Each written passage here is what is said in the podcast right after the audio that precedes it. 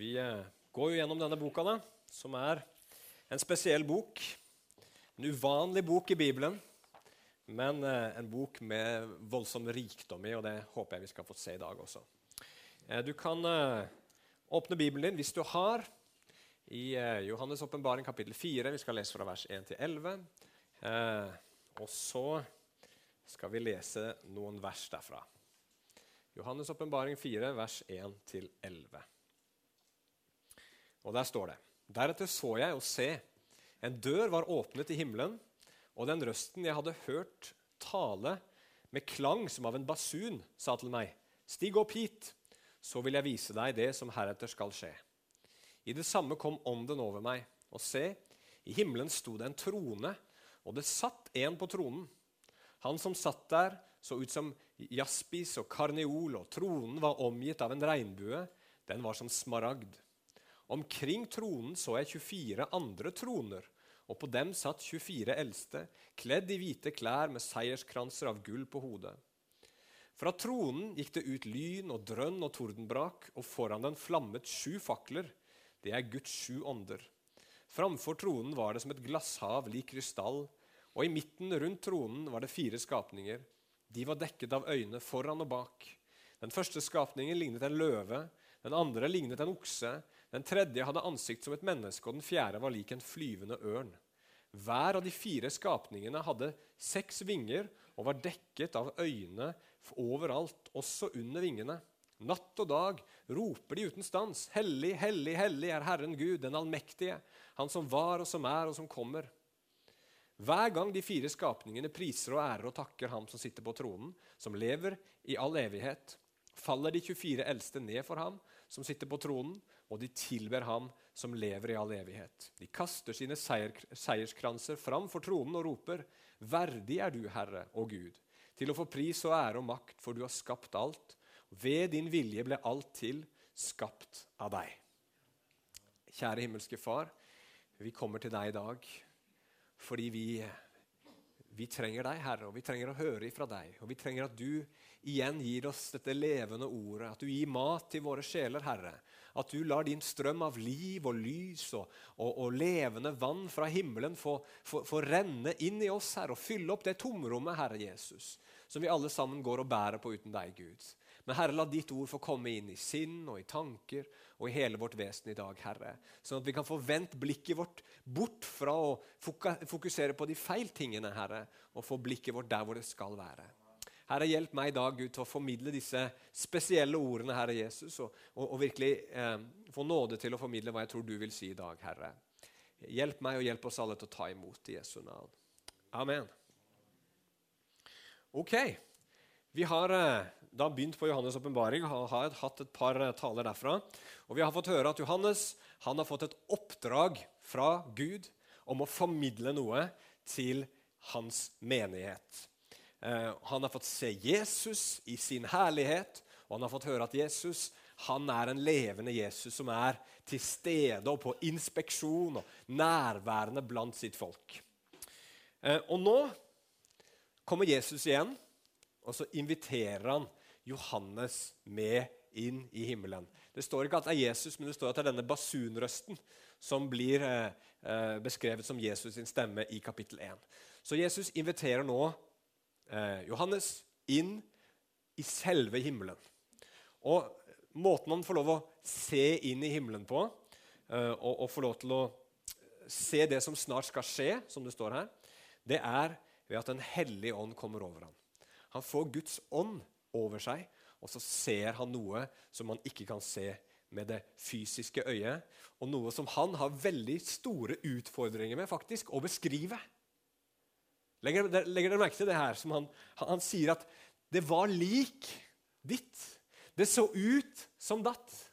Det er liksom ting som, som, som han ser, og som han ikke fullt ut helt klarer å, å, å, å beskrive med de ordene og de, de, tingene han kjenner. Det er noe helt spesielt han, han, får se. Han får se en som sitter på en trone. Nå står det at han er lik jaspis og karneol eller sarderstein eller et eller annet. Og det, det, er noen steiner som vi ikke vet helt hva refererer til, men mange tenker det kanskje er diamant og rubin. Altså sitter en på tronen som ligner på diamant og rubin. Og så ser han fire merkelige vesener. Fikk dere med dere det? Hvor ett ligner på en løve, står det. Ett ligner på en okse. Ett har ansikt som et menneske, og et annet ligner på en ørn i flukt. Det er jo litt spesielt. Og så har de til og med seks vinger hver av de, finner vi ut. Og det er jo også litt spesielt. Og så er det sju fakler foran denne tronen, hvor denne personen, eller denne, som jo er Gud, så klart sitter. Og så er det et hav av glass, og ut fra denne tronen så går det torden og lyn og, og, og, og kraftige lyder. Og så er det en regnbue rundt tronen, står det. Og så sitter det rundt tronen 24 eldste. Altså eh, menn, da tydeligvis, som, som virker ganske menneskelige, med autoritet. Og De sitter på hver sin trone rundt denne store tronen. Og så har de hvite klær på seg, og så har de kroner av gull på hodet. Og så er de opptatt alle sammen av én eneste ting. Og det er å tilbe og prise han som sitter på den tronen som er i midten. Ok, hva i all verden er det her? Hva, hva, hva er dette for noe? Og Det har vært forbausende interessant egentlig å, å, bare forberede denne talen. her, For det fins så mange perspektiver og tanker rundt hva dette prøver å fortelle oss. Og jeg kan nok uh, love at Det blir ikke bedre når vi kommer videre i Johannes' åpenbaring heller. Det er den boka som kristne er minst enige om.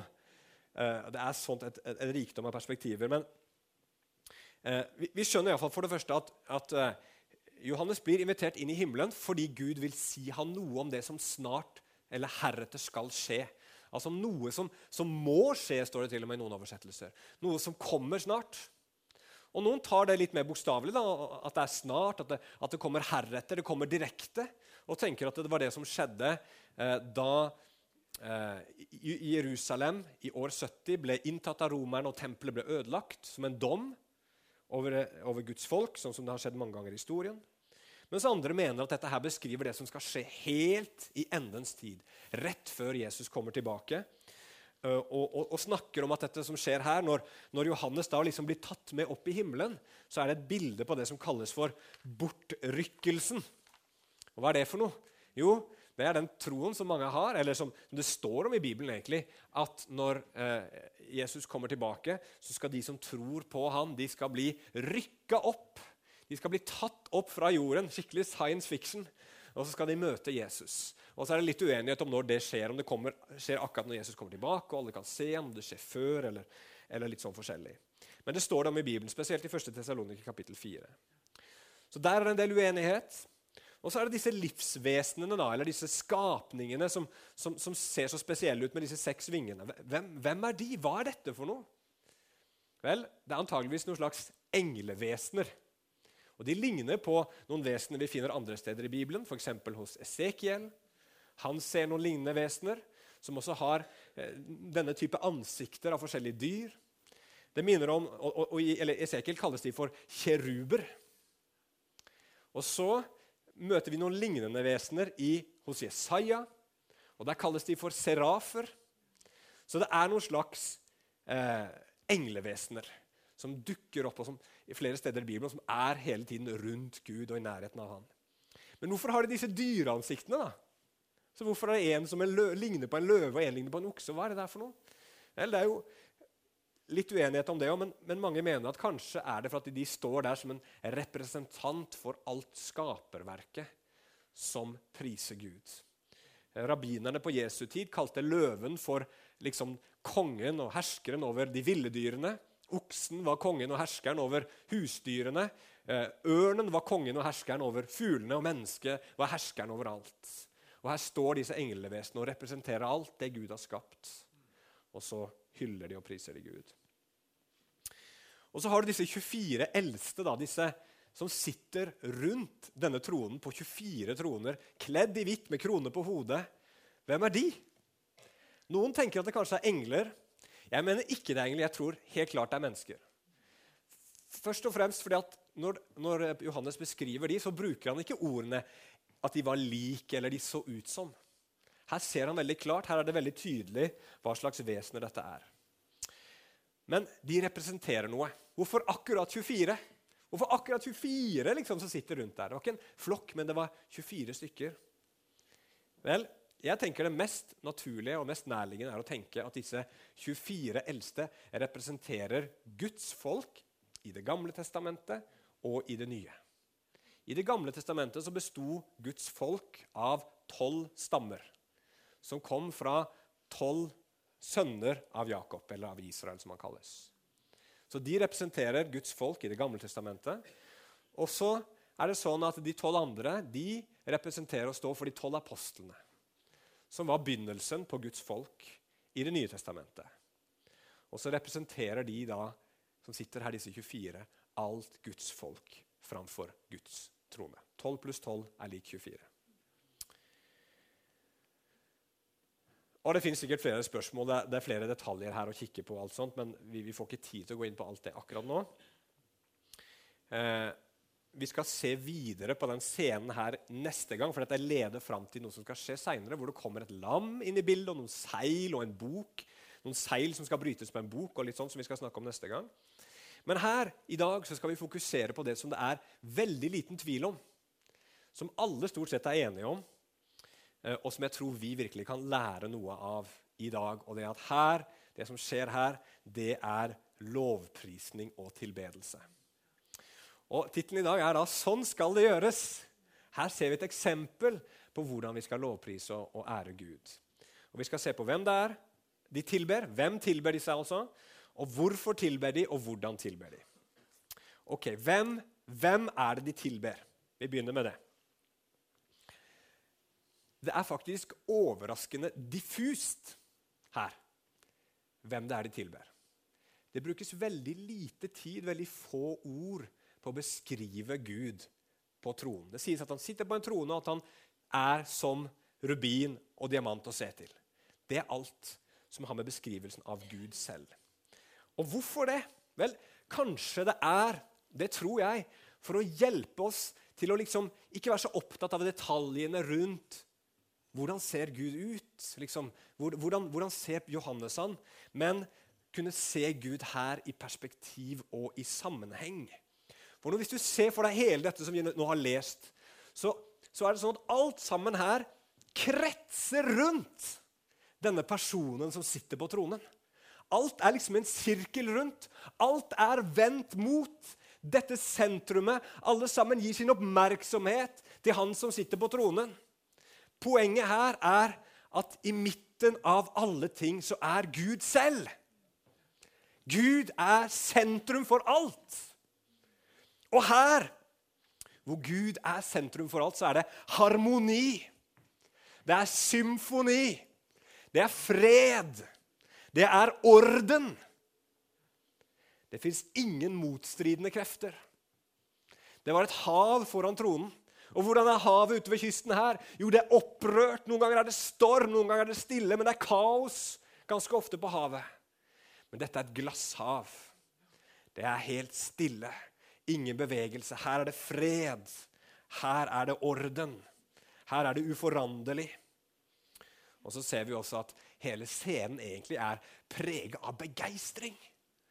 Alle sammen er begeistra for Gud, og det er derfor de er vendt mot ham. Så poenget her er enkelt, tror jeg, og det er at Gud er sentrum. Paulus han sier om Gud for av ham og ved ham og til ham er alle ting. Gud er sentrum i hele universet. Og så er poeng nummer to at når Gud tilbes som sentrum, da hersker harmoni og glede og fred. Amen. Det er utrolig viktig å ha rett sentrum i livet sitt. Og Vi ser det veldig tydelig på alle ting som roterer. Da jeg var ung, og det er lenge siden, det Så, eh, så eh, var vi jo i Dyreparken i Kristiansand en del ganger. da. Og Jeg tror ikke de har det der nå, men de hadde det da noen sånne veldig morsomme sykler. Hvor sykkelhjulet hadde navet en annen plass enn i sentrum. Litt lenger oppe eller litt lenger nede. Når du sykla på det, så gikk, gikk jo hjulet sånn vroom, vroom, Og så var det ett sånn hjul foran og ett sånn bak. Det var veldig gøy å sykle på de syklene. Kjempemorsomt. Men du skjønner jo at du kan ikke ha en sånn sykkel i dagliglivet. liksom. Skal liksom fort til jobb. Det går ikke. Det er jo helt forferdelig å sykle på de der. Eh, så de er ubrukelige egentlig til annet enn bare ha det litt gøy noen minutter. Helt til å liksom få hjernen rista løs eh, såpass at de ikke orker mer. Men sånn er det med alt. Når, liksom ikke, når ikke sentrum er der det skal være, så blir det kaos. Så det, mister, mister man kontroll så blir det ubehagelig, og så blir det ikke godt. Det gjelder alt fra når du kjøper en drill. Ikke? Hvis ikke, hvis ikke drillen setter boret i sentrum, er du helt ubrukelig. Når du tar en piruett, så må du ha aksen i sentrum, eller så går du på fleisen. Sentrum må være på rett plass. Og det er, det er det Gud prøver å fortelle oss her. Vi må sette Han i sentrum for alle ting. Og den virkeligheten vi er en del av, den fungerer egentlig ganske bra. Fordi at det aller meste som er blitt skapt, har Gud i sentrum. Dyrene, plantelivet, hele universet. Alt det skapte er sentrert om Gud. Det fins i grunn bare ett vesen i den synlige verden som ikke har Gud i sentrum. Og det er det vesenet som bringer alt i ubalanse og kaos. Det er pga. oss mennesker at det er så mye elendighet i verden. Og hvor setter vi sentrum? Hvor setter du og jeg sentrum i våre liv? Jo, vi følger det han som Jesus kaller for vår far, vi mennesker. Djevelen som satte seg selv i sentrum. Og det gjør vi mennesker òg. Og her har vi liksom kjernen til synden. At vi har satt oss selv i sentrum. Vi er egoister. Jeg vet du er en egoist, og jeg er en egoist. Sånn er av naturen. Og Det betyr at det er min lykke som er viktigst. Og det betyr at min smerte fortjener mest oppmerksomhet. Vi vet at det ikke burde vært sånn, men det er sånn det er. Derfor så er vi mennesker sånn at vi begjærer det som ikke er vårt, og tar det gjerne på bekostning av andre. Bare jeg får tatt det og blir lykkelig, så bryr jeg meg ikke så veldig mye om det gjør den andre ulykkelig. Det kan være utroskap, det kan være tyveri. Fordi at vi setter oss selv i sentrum, så er vi stadig vekk misunnelige. Og unner ikke andre at de har det bedre enn oss, lykkes bedre enn oss osv. Fordi vi har oss sjøl i sentrum, så går vi ofte rundt og er utakknemlige over det vi ikke har. Fordi vi mener vi burde hatt mer. Sikkert ingen som kjenner seg igjen. Og så er det også sånn at derfor så tar vi alltid igjen hardere når folk gjør noe galt mot oss. For de skal virkelig få føle hvordan jeg hadde det. Så da må vi ta litt ekstra i.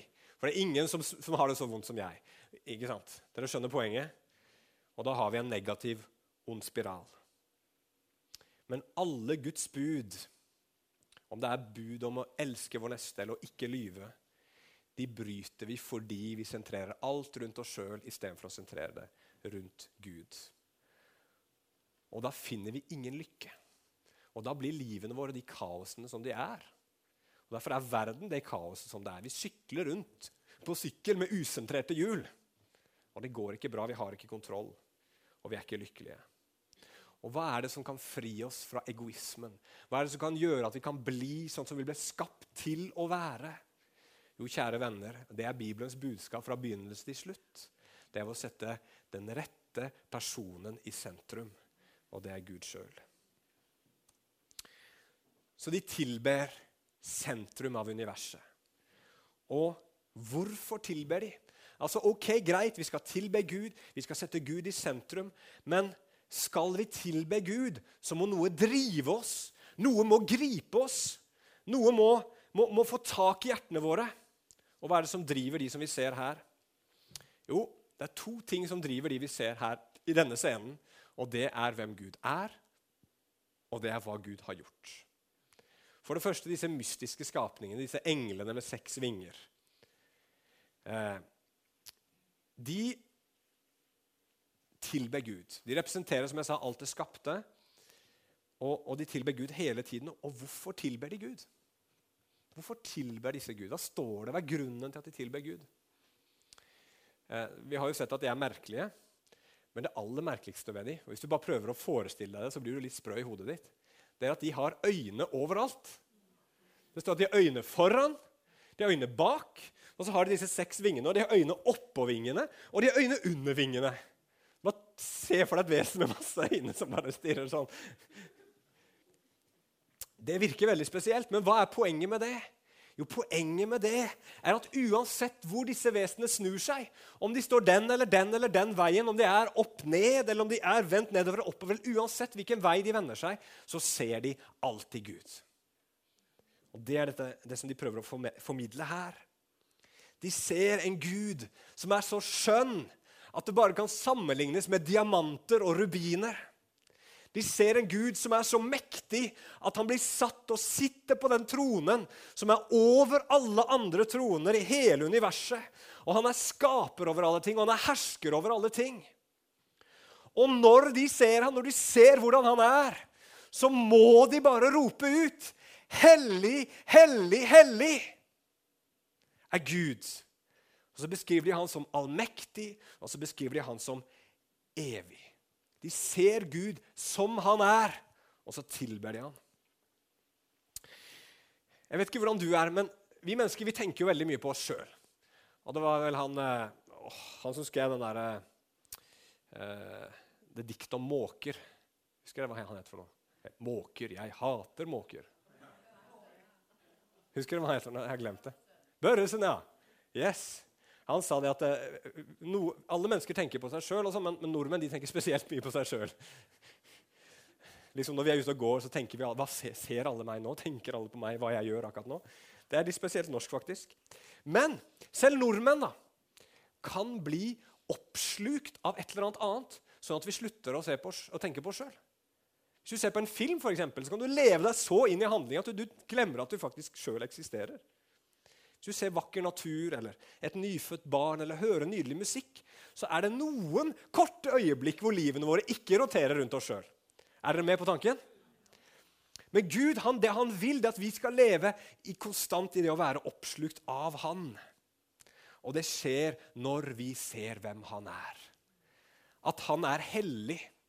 Ordet 'hellig' det beskriver Guds skjønnhet og det beskriver Guds storhet. og Det er liksom det adjektivet i Bibelen som beskriver Gud best. Det er på en måte det ordet som rommer litt av hvem Gud er, over alle andre ord i Bibelen. Og alt skjønt og vakkert i verden har en liten sånn eh, Hva skal man si eh, eh en, et, et, Er et bilde, en avglans, for ordet jeg leter etter. Jeg har en avglans av Gud. Når du ser vakker natur, eller når du hører vakker musikk, eller når du ser et, eh, et nyfødt barn eller din elskede inn i øynene, og du ser noe vakkert, så er det en avglans av Han som har skapt alt, og som er vakrere enn alt som fins. Og Gud vil at du og jeg skal oppdage den, den, unnskyld, den, skjønnheten, sånn at vi blir oppslukt av Han. Sånn at Han blir det naturlige sentrum i livene våre. Og så er det viktig, også som, som vi ser i denne historien, at vi tilber Gud for det Han har gjort, og det Han gjør. Og det ser vi hos de 24 eldste. Eh, de sitter der med hvite klær og kroner på hodene og på troner. Og hva i all verden er det? Jo, Hvis dere husker fra kapittel 1, så står det om Jesus at han, til, han ved å dø på korset gjorde oss til konger og til prester. Disse hvite klærne symboliserer at de er prester. Det vil si at De er sånne som har fått adgang til å være sammen med Gud, ha fellesskap med Han. Og kronene og tronene symboliserer at de er konger. De hersker sammen med Gud. Det betyr, kjære venner, at når man hersker sammen med Gud, så er det ingen av de onde, de negative, de destruktive, de ødeleggende kreftene i verden som har noen makt, men at de ligger under føttene til hans folk. For de ligger under føttene hans. Nå ser vi ikke det fullt ut ennå. som det står i Bibelen. Vi ser ikke fullt ut at alt er han underlagt. Men en dag så skal det åpenbares fullt ut. Og da skal vi seire sammen med han. Og Hvordan får man den plassen? Hvordan kommer man dit? Det kommer tydeligere fram i neste kapittel, men jeg har bare lyst til å peke på én ting som jeg så her, som jeg synes var veldig bra. De sitter ikke sant, rundt denne tronen, i sirkel rundt. Og så står det samtidig at det går en regnbue rundt tronen. Virker som den er i nærheten av disse. Før tenkte jeg liksom at den var en sånn skjerm bak liksom, eh, Gud og tronen hans. Men den går faktisk rundt tronen, står det. I en sirkel. Akkurat der hvor disse 24 eldste sitter også. Og hva er regnbuen tegn på i Bibelen? Husker dere det? Det er et tegn på Guds pakt. Yes. Guds pakt Som betyr at Gud gjør en avtale med oss mennesker om at han skal beskytte oss og frelse oss og ta vare på oss. Og, og, og, og, hvis dere husker når jeg talte over første Mosebok, det er lenge siden, men da sa jeg at det, denne regnbuen som Gud satte i, på himmelen etter at eh, flommen hadde gått bort og Gud hadde redda Noah osv., den, den står bare beskrevet som en bue. Et krigsvåpen som har blitt hengt opp. Gud sier, 'Jeg skal ikke lenger krige mot dere, jeg skal ikke lenger dømme dere for deres synd.' Men så er den istedenfor vendt oppover mot Gud, hvor Gud sier, 'Jeg vil ta konsekvensene og bære straffen for deres synder'. Disse menneskene som har fått komme inn i Guds nærvær, som har fått bli konger, som får oppleve at de ødeleggende, onde kreftene i verden er under deres føtter. Hvorfor er de der? Jo, det er pga. Guds pakt. Det er pga. Jesus, som døde for de og sto opp igjen og brakte de inn til å være en del av Guds folk og være konger og prester for Gud. Og det er derfor de tilber. De tilber fordi Gud har gjort noe for dem. De tilber fordi Gud har gjort noe helt fantastisk, noe helt utrolig, noe uforlignelig, noe ingen andre har gjort for dem. Da må de bare tilbe. Så står det da ikke helt ordrett at de tilber Gud for frelsen akkurat her. Det står at de tilber Gud fordi han har skapt alle ting. Og alt er og, og, og, og var ved hans vilje.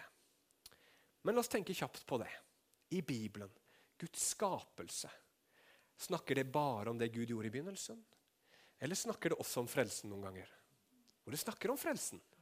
For det, du og jeg, vi er, hva som det står, eh, skapt i Kristus Jesus til gode gjerninger. Efeserne 2,10. Og den som er i Kristus, er en ny skapning. Vi er skapt på nytt, vi er født på nytt. De priser Gud for alt det han har gjort. Skapelsen, alt det han har skapt, men også at han har skapt dem til å bli et nytt folk. Skapt dem til å bli et Guds barn, til å få nye hjerter og til å få et nytt liv.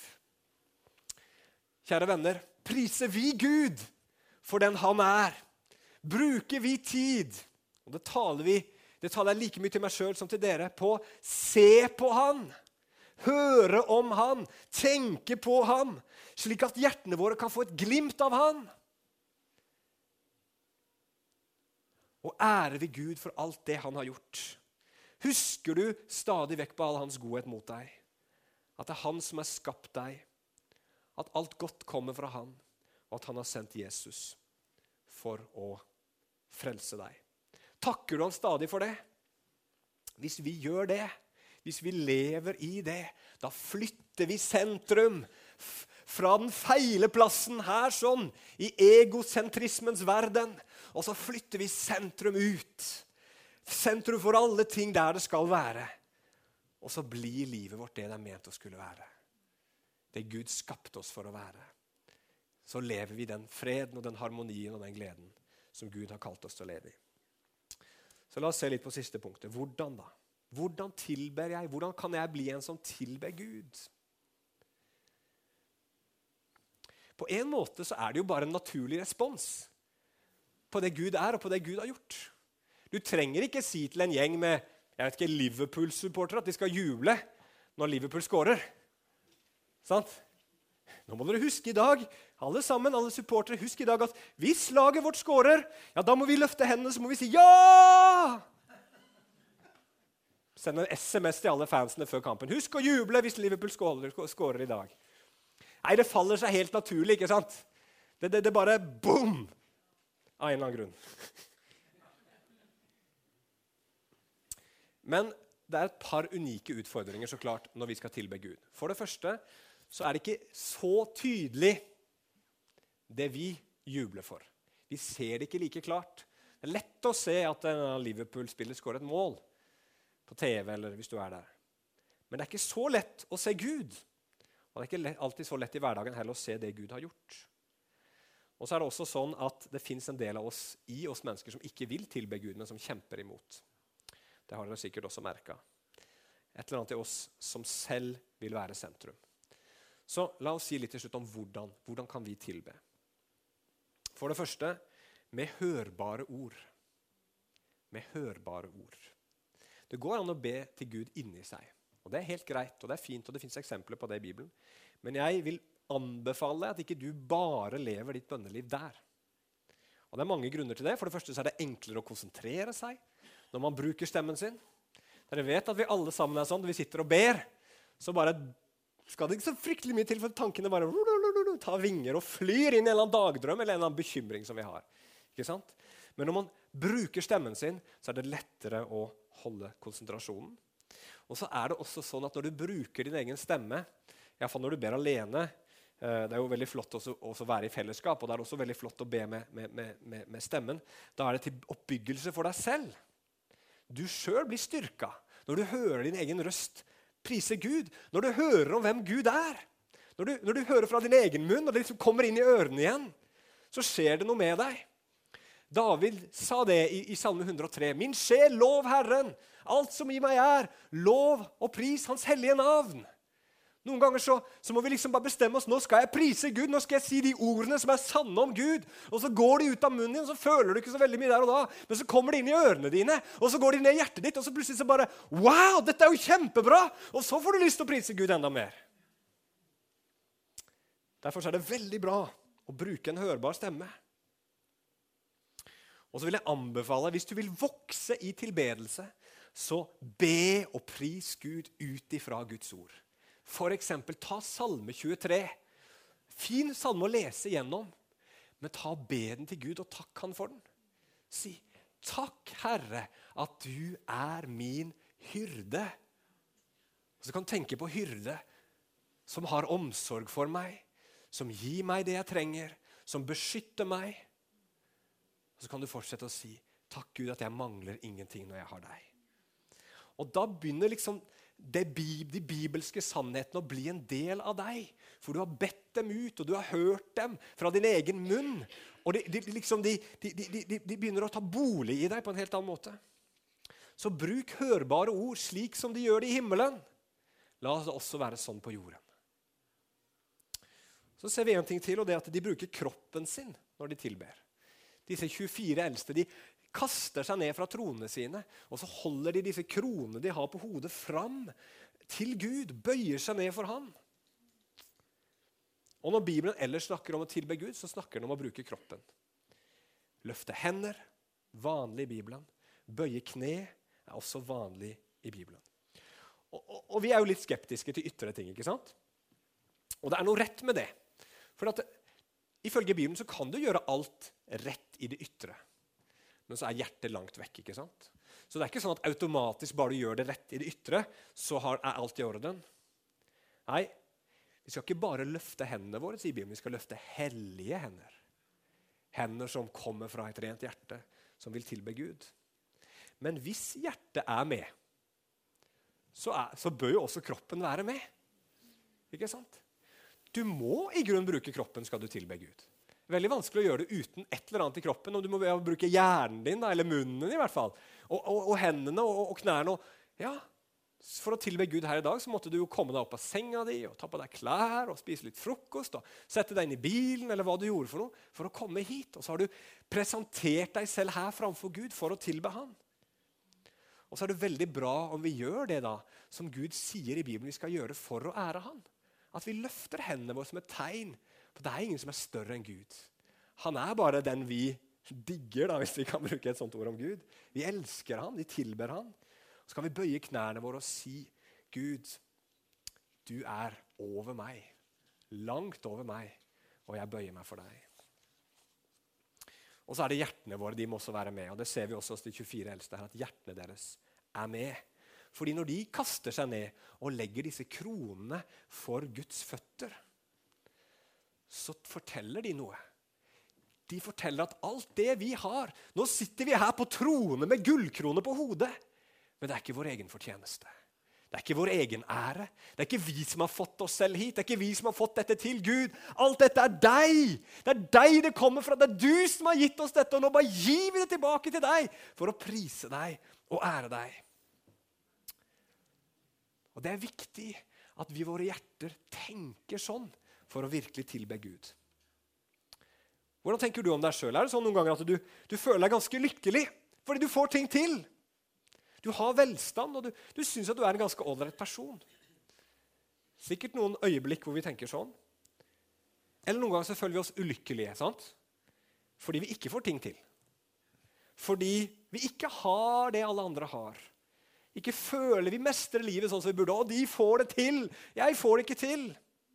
Men uansett om du føler deg der oppe eller der nede, så tilber du ikke Gud i verken det ene eller det andre tilfellet. For i begge tilfeller så har du satt deg sjøl i sentrum. En følelse av rikdom, følelse av suksess, er veldig veldig avhengig faktisk av at vi sammenligner oss med andre mennesker.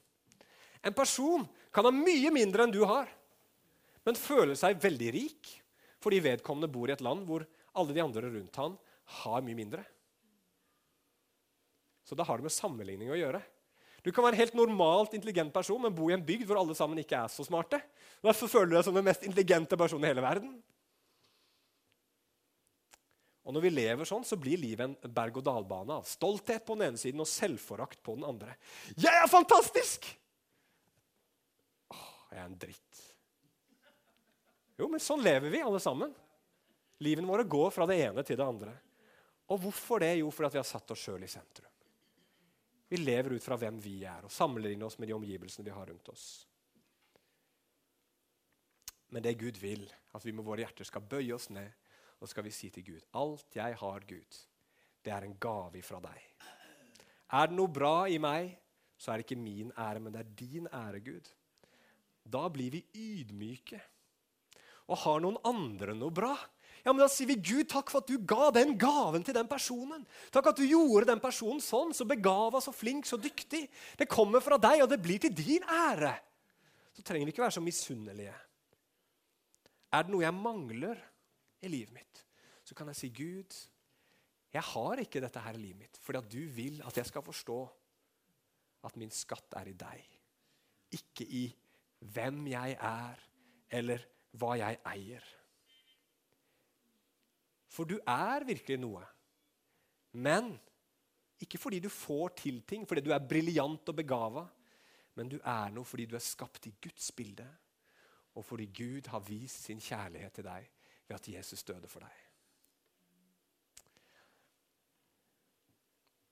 Veldig kort, helt til slutt. Nå ser jeg jeg har brukt ganske lang tid. Vi er også kalt til å tilbe Gud som mennesker.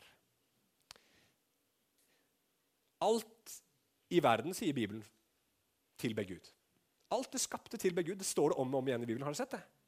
Men hvor mange av dere har sett aper ha bibelstudium liksom, og, og synge lovsanger til Gud? Eller trær bøye seg ned? Ja, Det hender de brekker i vinden og sånt. ikke sant? Men har du sett naturen lovprise Gud? Vel, De gjør det ikke akkurat sånn som vi gjør det, men de gjør det allikevel. Hvordan da? Jo, ved å være det de ble skapt til å være. Når en ape er en apekatt og hopper og sier hu, hu, hu, så tilber den Gud. Når et tre bare står der og strekker grenene sine oppover og oppover og vokser og får blader om våren og bærer frukt om høsten, så tilber den Gud. Når en sau sier bæ og en ku sier mø, spiser gress, så tilber de Gud. Og vet du hva? Du og jeg tilber Gud når vi er mennesker sånn som vi ble skapt å være. Og det er mye flott med det å være mennesker som er godt. For så ble vi skapt til å ha fellesskap med hverandre. Vi ble skapt til å sitte sammen med venner og prate og, og, og, og hygge oss. Og det er en tilbedelse av Gud, for det ble vi skapt til. Du ble skapt for å arbeide. Og når du bygger noe, eller hjelper noen, eller skaper orden en plass, eller fyller menneskers behov, da ærer du Han som har skapt deg. Da tilber du Gud. Når du spiser god mat og sier 'det var godt', så ærer du, priser du Skaperen. Og den som har skapt den som lagde maten også. Men alt koker ned til det her. Hvem er i sentrum? Hvem er i sentrum? Hvem gjør jeg alt dette for?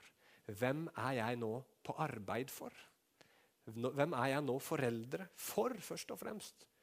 Jeg er forelder for å ære Gud. Og sånn er det. Vi er skapt til å sette Gud i sentrum.